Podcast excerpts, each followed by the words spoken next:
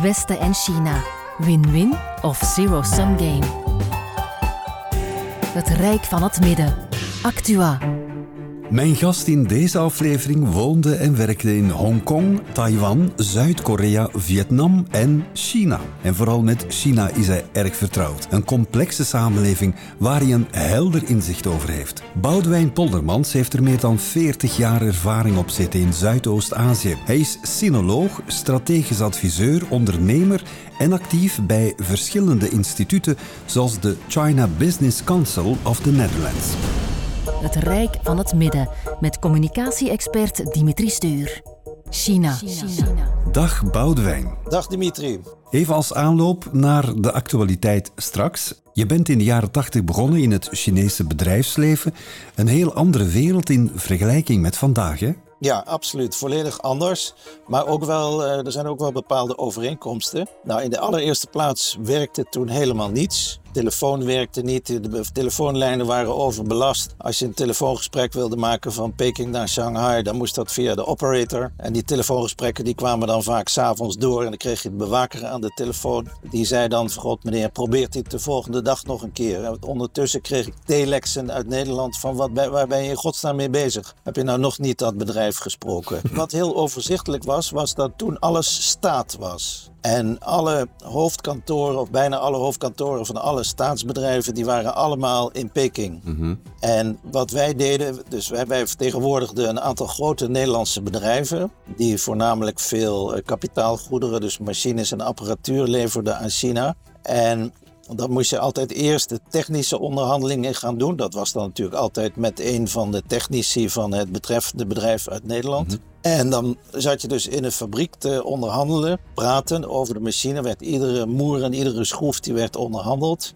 En die, die fabrieken die waren vaak jaren bezig geweest om een budget te krijgen om die machine te kunnen importeren. dus dat, dat was al, uh, al heel wat voordat dat voor elkaar was. En dan vonden de commerciële onderhandelingen altijd plaats in Peking. En er waren gespecialiseerde teams van de overheid mhm. die maar één opdracht hadden gekregen van probeer die buitenlanders zoveel mogelijk uit te knijpen en probeer die prijs zo laag mogelijk te krijgen. En dat waren hele harde onderhandelingen. En die onderhandelaars die hadden ook geen verbinding met de eindgebruiker. Die waren alleen maar aan het onderhandelen, verder niks. Was dat ongenadig bijna? Ja, dat was heel... heel ik, ik heb dus veel mensen meegemaakt van een Nederlands, groot Nederlands bedrijf Stork. Die allerlei soorten machines, textieldrukmachines, slachterijen en dat, en dat soort dingen produceerden echt een doorgewinterde onderhandelaar van Stork, die ook vaak in de Sovjet-Unie had onderhandeld, maar die gewoon nou, bijna een, een hartinfarct kreeg, omdat hij zo hard aangepakt werd.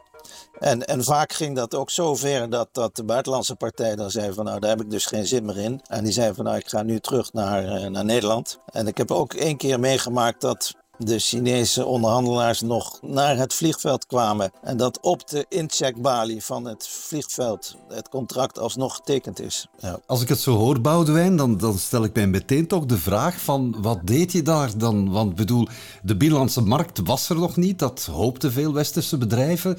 En het was hard onderhandelen, hoor ik hier. Dan denk ik van, wat heeft jou aangetrokken om daar eh, meteen in de jaren tachtig naartoe te trekken? Ik heb eerst Chinees en Japans gestudeerd. En natuurlijk heel veel veel oude China bestudeerd en de filosofie en, en uh, hoe China er vroeger uitzag in de keizertijd. En ik dacht, nou, nou wil ik wel eens naar het, uh, naar het echte China toe. En toen was net bekend dat China open ging. Dus dat was op zich wel het juiste moment. En, dat was in 1979 ongeveer, dat China... Ja, dat open, China open ging, maar Nederland uh, raakte toen verzeild in de duikbotenaffaire. Nederland heeft toen onderzoek gedaan wat interessanter was, zaken doen met Taiwan of met China. Dat kwam uit, nou, met Taiwan dus uh, wij kunnen best wel twee duikboten leveren aan Taiwan. En toen hebben dus de betrekkingen tussen Nederland en China, die zijn echt helemaal tot een minimum teruggebracht. Ook de diplomatieke betrekkingen. En dus dat, dat duurde pas tot uh, ja, eigenlijk 82, 83. En ik ging in 1983 ging ik naar China toe met een koffer en een tas. Je mocht toen als buitenlander alleen maar, uh, als buitenlands zakenman, mocht je alleen maar in een hotelkamer wonen. En ook kantoor houden in een hotelkamer. Dus er was, waren ook geen faciliteiten voor buitenlanders. Dus dat was wel primitief. Zoals je net zei, uh, het waren in de jaren tachtig allemaal staatsbedrijven. Meer en meer kreeg je privébedrijven voetaanval in China.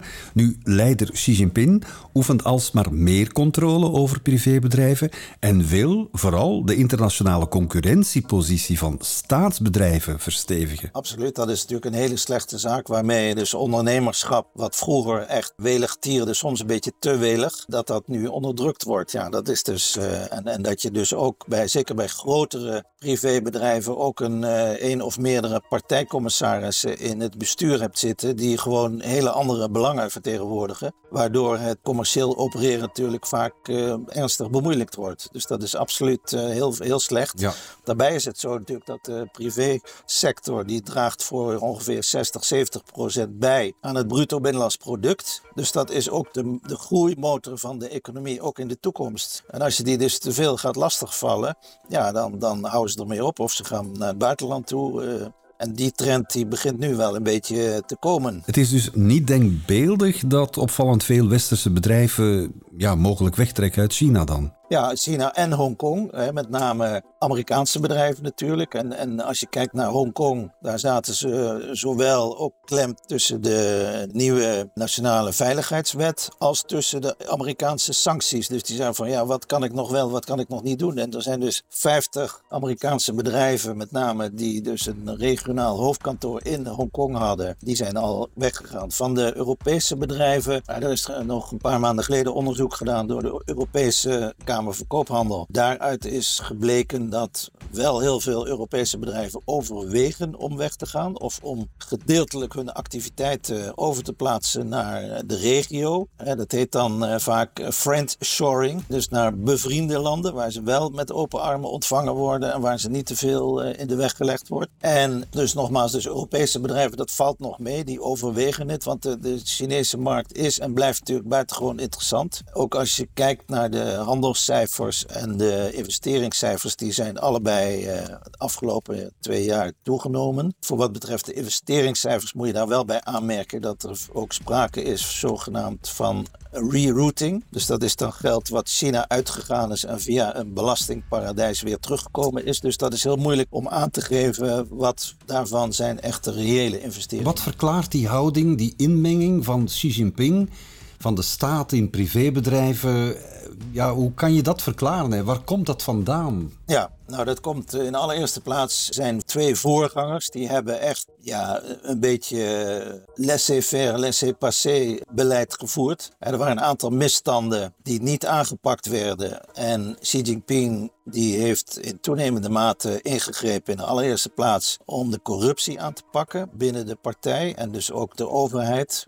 niet alleen de kleine jongens, wat de voorgangers van hem ook wel deden, om die aan te pakken, maar ook echt zware jongens. Hè. Bo is een van de grote voorbeelden daarvan. Die was de partijsecretaris van Chongqing. Maar daar zijn ook natuurlijk heel veel van zijn tegenstanders, die zijn ook eh, om twijfelachtige redenen de partij uitgewerkt. Dus dat was één ding. De andere ding is dat hij ook wel is gaan teruggrijpen in toenemende mate op allerlei uh, ideeën uit de Maoïstische tijd. En een van de dingen die daaruit voortgekomen is de gemeenschappelijke welvaart. Er is een enorme kloof ontstaan tussen arm en rijk, tussen platteland en steden. Nou, en een van de meest pregnante voorbeelden daarvan is natuurlijk hoe Jack Ma van Alibaba is aangepakt. Dus een aantal hele rijke mensen, ja, die voelen zich ook niet meer prettig in China. Maar die hadden al voor het grootste gedeelte één of meerdere buitenlandse paspoorten. Ik weet nog een uh, paar jaar geleden, toen zat ik uh, aan een uh, zakelijk diner waarbij een Chinese delegatie op bezoek was. En toen waren die jongens een beetje aan het kwartetten van wie de meeste buitenlandse paspoorten had. Maar dan heb je het wel over landen als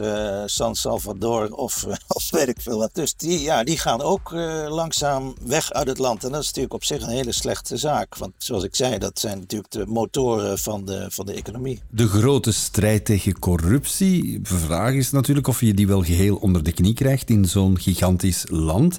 Het klinkt alleszins nobel en toch, van industriële spionage zijn ze ook niet vies of buitenlandse markten beïnvloeden. En hoe zit het trouwens met de houding ten opzichte van intellectueel eigendom in China? Ja, zeker. zeker. Maar goed, eh, we moeten, moeten ook het wel wat meer relativeren. Als je het hebt over spionage, et cetera, zijn er nog wel een aantal andere landen die daar ook heel goed in zijn, maar misschien niet zo goed in industriële spionage. Maar als je het hebt over intellectueel eigendom, dat wordt wel steeds beter in de hand gehouden. je hebt inmiddels heb je een aantal gespecialiseerde rechtbanken, met name in de grote steden in China. Ook omdat de meeste rechtszaken op het gebied van intellectueel eh, eigendom, althans inbreuk op intellectueel eigendom, die vinden plaats tussen Chinese bedrijven onderling. Dus dat speelt ook nog mee. Daarbij is het natuurlijk eh, veel moeilijker geworden om ook buitenlandse bedrijven. Kijk, dat was in het begin ook al zo dat grote bedrijven, en, vanuit Nederland bijvoorbeeld Philips, die ging natuurlijk niet zijn meest moderne technologie introduceren in China. Dat was een beetje technologie die verouderd was of begon te worden. Uh, dus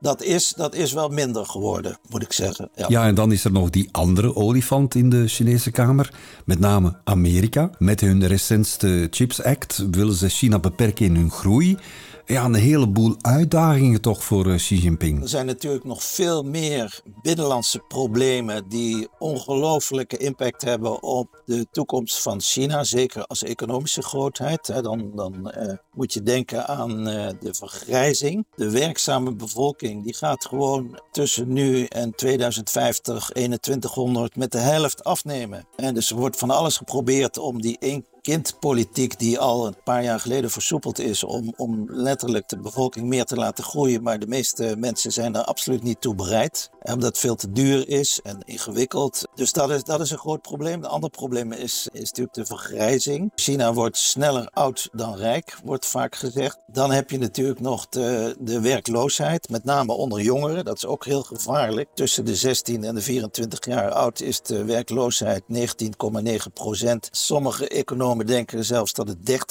30% is. Dus dat is ook, ook een groot probleem. Daarbij is de productiviteit van China, dus het gebruik maken van kapitaal om de binnenlands bruto product te vergroten, is ook heel laag. Vier keer zo laag als in Amerika. Voor iedere dollar die je wil toevoegen aan het bruto binnenlands product moet 8 dollar uitgegeven worden. Om het heel simpel te stellen. Dus dat, dat, dat zijn nog problemen. Nou, natuurlijk, het hele COVID-beleid. En denk dat dat zero-COVID-beleid toch uh, misschien een iets afgeslankte vorm nog gaat voortduren tot zelfs 2025, 26. De, de partijsecretaris van Peking die heeft zich onlangs versproken. Die, en dat is ook opgenomen per video. Die zei dat nog wel vijf jaar kon duren. Nou ja, en dan heb je natuurlijk de problemen met het buitenland. Met Amerika. Die Chips Act die uh, onlangs is uh, afgekondigd door Amerika. Is, ja, dat is echt uh, bedreigde existentie van de plannen die Xi Jinping had met het worden van een hoogwaardig technologisch land.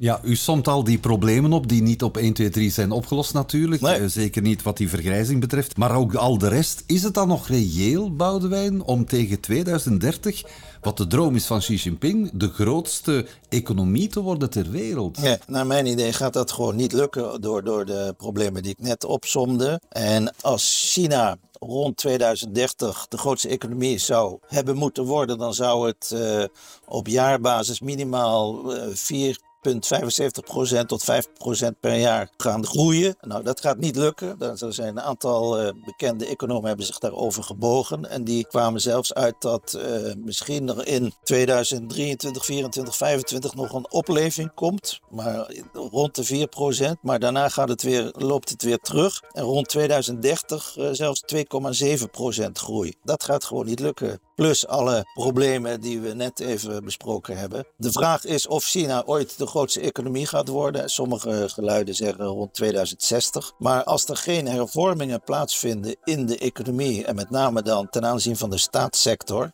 Die juist nu te veel aandacht krijgt. En waar heel veel ja, loyalisten van, uh, van Xi Jinping en van de partij in het bestuur zitten. Maar die totaal geen technische competentie hebben om zo'n soort bedrijf te, te leiden. Dus dat zijn ook zogenaamde bleeders. Er gaat ongelooflijk veel leningen gaan naar die bedrijven toe, die, die veel beter aangewend zouden hebben kunnen worden. Dus dat zijn allemaal dingen ja, die eh, helpen niet om China de grootste economie ter wereld te maken. Waarom zou Amerika dan, Boudewijn, zo harde inspanningen leveren om het China moeilijk te maken, zoals met die Chips Act? Nou, omdat uh, Amerika gewoon uh, dominant wil blijven. Maar dat kunnen ze toch eigenlijk ook zo laten, bedoel met de problemen die, die er al in het binnenland in China zijn. Ja, Ja, dat is waar. Maar goed, ze willen het proces wellicht iets versnellen en ook iets duidelijker maken. Nadat ze natuurlijk eerst uh, hebben wij met z'n allen een beetje zitten slapen van als we maar voldoende investeren in China, dan gaat China op een gegeven moment wel net zo worden als wij. Nou ja, er is uh, zeker onder Xi Jinping gebleken dat dat absoluut niet het geval zal zijn. Zeker ook na de vriendschappelijke contacten en banden met, uh,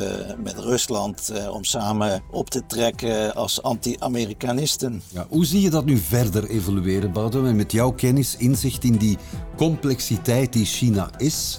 En vandaag die ontwikkelingen, redelijk dramatische ontwikkelingen, heel veel polarisatie, alsmaar meer krachtiger in opbod aan beide kanten. Ja, er moet toch ergens een eindpunt zijn of een andere richting of oplossing? Kijk, er is in december is er weer een, uh, een, een, conferentie tussen de top van de partij en ondernemers en, en, mensen uit de academische wereld om het beleid verder uh, vorm te geven. Dus daar moeten we even wachten wat daaruit gaat komen. De verwachtingen zijn niet zo positief dat inderdaad er niet veel uh, zal veranderen in de economische politiek. Maar dan volgend jaar tijdens het Volkscongres moet bekend worden welke functies precies wie krijgt. Verwachtingen zijn dat de meneer Li Chang, de partijsecretaris van Shanghai, dat hij inderdaad eh, de premier gaat worden. Maar dat is ook iemand waarvan men toch betwijfelt of hij al die grote problemen aan zal kunnen. Ook omdat hij uh, geen ervaring heeft in het kabinet. En normaal was het zo dat de vicepremier, die werd dan premier, maar hij niet. Hij heeft wel uh, gediend in twee provincies waar uh, een vrij bloeiende economie was. Dus dat, dat zijn allemaal vragen. Daardoor uh, worden de twijfels alleen maar groter dat China de economische doelstellingen zal gaan halen om de grootste te worden. Ja. Dan hebben we het nog niet gehad over de mensenrechten. Komt dat volgens jou ook vaker en vaker aan bod tussen zakelijke onderhandelingen tussen westerse bedrijven en Chinese? Nee, dat, dat, ik heb, ik heb uh, vele officiële delegaties uh, kwaliteit qua uh, mogen moeten bijwonen. En dan wordt ofwel gedeeltelijk in de openbaarheid of gedeeltelijk face-to-face worden de mensenrechten ter sprake gesteld. En in het geval van Nederland is het dan zo, dan hebben de Chinezen heel goed hun huiswerk gedaan en dan uh, sommen ze even op wat voor mensenrechten schendingen wij doen. Ja, dan heb je een soort padstelling. Ja. Eh, dat, dat, ja, dat heeft allemaal weinig, weinig zin. Uh, natuurlijk moet dat besproken worden en natuurlijk moet China daarop aangesproken worden, maar China is inmiddels zo machtig dat ze ja, dat gewoon langs zich af laten glijden en daar niets of weinig aan zullen doen. Dus dat, ja, dat blijft een moeilijk probleem en, en dat moet aangekaart blijven tijdens officiële contacten. Maar als bedrijf heeft het helemaal geen zin om daar. Uh, je moet natuurlijk wel zorgen, want er is natuurlijk inmiddels ook wel uh, wetgeving vanuit Brussel, dat je ervoor moet zorgen dat je niet grondstoffen of producten afneemt van bedrijven in China waar sprake zou kunnen zijn van uh,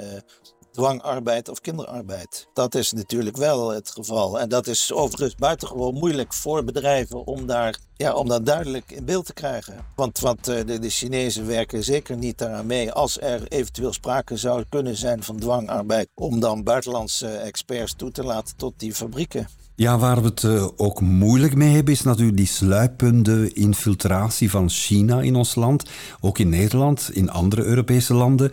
Onlangs nog werd uh, professor Jonathan Holslag op de vingers getikt door onze buitenlandminister, die op haar beurt was aangesproken door uh, Chinese diplomaten. Aanleiding was een rapport van Holslag over de aanwezigheid van China in havens. Hij deed ja, toch wel een boute uitspraak. Elk Chinees vrachtschip is een oorlogsschip. Ja, dat viel niet in goede aarde bij Chinese diplomaten in ons land. Ja, het wordt vaak ook wel een beetje overdreven, moet ik zeggen. Natuurlijk moeten we uitkijken en niet naïef zijn, maar Kijk, aan de andere kant is het ook zo dat als China belangen heeft in, in havens of bedrijven heeft in België, in Nederland, zou je in geval van een conflict, zou je die ook kunnen aanpakken natuurlijk. Hè? Dat, het gaat twee kanten op. Dus, maar, maar goed, wij moeten wel goed de Chinezen in de gaten houden. Wat ook in Hamburg gebeurt is dat dus het Costco, hè, de grootste staatsrederij van China, die heeft een belang dan gekregen. Die zou eerst 35% krijgen, maar nu hebben ze maar 24,9%. Ze hebben verder kunnen ze niet zoveel daar de boel opjagen of in de war brengen. Dus we moeten, we moeten het ook weer niet overdrijven. China stelt zich alsmaar harder op ten opzichte van het Westen, assertiever, krachtiger. Maar niet echt transparanter, toegankelijker. En dat zet het Westen vaker aan tot wantrouwen, toch? Ik, probeer dat ook al uh, heel lang aan te kaarten als ik contact heb met, met Chinese hoge ambtenaren. Dat ze toch echt iets, ik zeg het nu even wat zwart-wit, iets moeten doen aan hun public relations. Ook met wat, wat waarschijnlijk ook in België gebeurd is de afgelopen jaren met die wolf warrior diplomacy, dat, dat Chinese ambassadeurs artikelen in uh, de lokale kranten schreven uh, die totaal niet zijn aangeslagen bij de lokale bevolking. Uh, dus je moet een veel evenwichtiger beeld proberen te schetsen van, van China. Wil je enige impact hebben om die imago-schade gewoon terug te dringen. Als je alles bijeen optelt, Boudewijn, wat we tot hiertoe weten, de houding van China, de reactie van Amerika, de binnenlandse problemen in China, loopt Xi Jinping grote risico's, nu dat hij alle macht naar zich heeft toegetrokken, ja, dat het wel eens zou kunnen mislukken. Ja, nee, zeker. Want dat is natuurlijk. Hij is, zoals vaak in het buitenland gezegd wordt, hij is de voorzitter van alles. Dus niet alleen van de partij, maar ook van het leger en van allerlei commissies. Dus als er iets fout gaat, dan is hij uiteindelijk verantwoordelijk. Dus dan kan hij niet zeggen van ja, maar dat ligt aan iets anders of uh, dat heeft die of die gedaan. Dus dan, nee, dan, wordt, dan worden alle vingers gewezen naar hem. dus daar, daar moet hij ook voor uitkijken dat hij, uh, en, dat wordt dan op allerlei manieren natuurlijk geprobeerd tot, uh, om er een hele persoon cultus van te maken en allerlei uh, ja-knikkers om zich heen te verzamelen. Maar kijk, hij moet natuurlijk wel dingen kunnen laten zien. Hij moet wel presteren. En tijdens het partijcongres zijn natuurlijk een aantal onderwerpen die gevoelig liggen. Die zijn gewoon niet of nauwelijks aan de orde gekomen. Waaronder de economie. En, en uh, de meeste, er zijn, zijn een aantal enthousiasten geweest die hebben geteld uh, welke woorden hij het meest gebruikt heeft. En, en dan kom je, bovenaan staat ontwikkeling in de breedste zin des woords. En strijd en veiligheid. Maar economie komt bijna niet voor. En, en uh, Karl Marx heeft hij volgens mij ook 15 keer genoemd.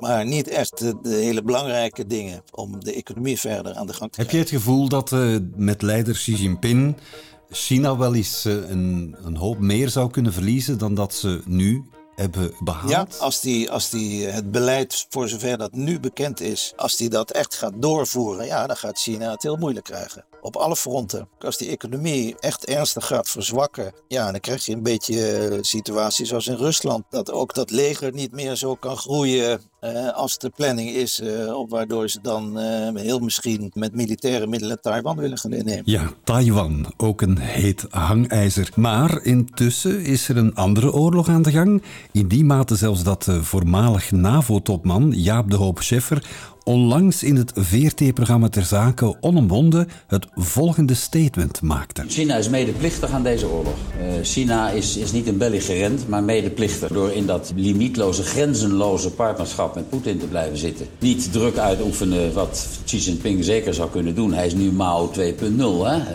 de persoonlijkheidscultus zijn absolute leiderschap is gevestigd. Hij zou degene kunnen zijn die tegen Poetin zou zeggen... Poetin in, dat, in dat verstandshuwelijk wat hij met, met Poetin heeft... je moet nu echt ophouden.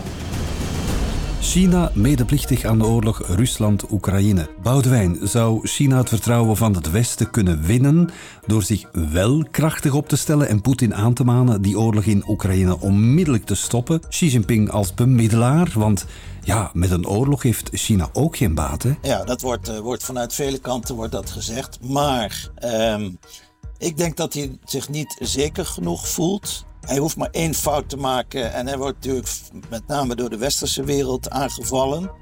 Ik denk dat hij dat niet aandurft. De reden waarom China en Rusland de handen in elkaar hebben geslagen is, ze zijn geen bondgenoten. Dat wordt vaak ook in de media genoemd. Ze zijn absoluut geen bondgenoten. Ze hebben dit puur gedaan om samen tegen Amerika te kunnen optreden. In ieder geval psychologisch gezien. En door ook samen militaire oefeningen, maar dat deden ze vroeger ook al te houden. Maar nee, ik, ik, uh, ik, ik ben bang dat hij zich daar niet toe zal laten verleiden. En er is ook wel eens gezegd van, uh, nou dan zou hij de Nobelprijs van de Vrede kunnen krijgen. Maar die wil hij absoluut niet hebben, want dan zou hij dus in gezelschap komen te verkeren van de Dalai Lama en van uh, Liu Xiaobo, een dissident. Dus dat zie ik nog, nog niet gebeuren. Het, het lijkt wel zo te zijn dat hij uh, Poetin op de vingers getikt heeft van haal het niet in je hoofd om nucleaire wapens te gebruiken. Boudewijn, als ik zo even bout mag zijn, jij neemt geen blad voor de mond vermoed ik. Ja. Mag jij nog binnen in China? Mag jij nog handel drijven met Chinezen? Dat weet ik niet. Dat moet blijken. Dus ik moet wel, uh, zodra het wat versoepeld is, moet ik wel naar China toe. Ik ben ook bestuurslid van de Netherlands China Business Council. Wij onderhouden wel goede betrekkingen met de Ambassade hier. En, en, uh, maar goed, ik moet het afwachten. Je staat nog niet op de radar, misschien bij Chinese diplomaten, of wel? Ik weet het niet. Ja, het zou best kunnen. Ik heb, uh, nee, ik, tot, tot, nu toe voor zover, ik weet het nog niet, nee. Maar ik ben geen Jonathan Holsma. nee, nee, nee ik, ik, hoor toch iets meer nuance bij jou, als ik dat mag zeggen. Hoe dan ook, Boudewijn, blijf je hoopvol voor de toekomst? Dat moet de komende uh, vijf jaar moet dat duidelijk worden. Mm -hmm. Er komen heel spannende jaren aan dus. Ja, absoluut. Boudewijn, dankjewel voor het delen van jouw ervaringen met China en voor je duiding. Ja, graag gedaan. Dit was Het Rijk van het Midden. Een podcast over China met Dimitri Stuur. Het Rijk van het Midden. Een productie van Motion Builders.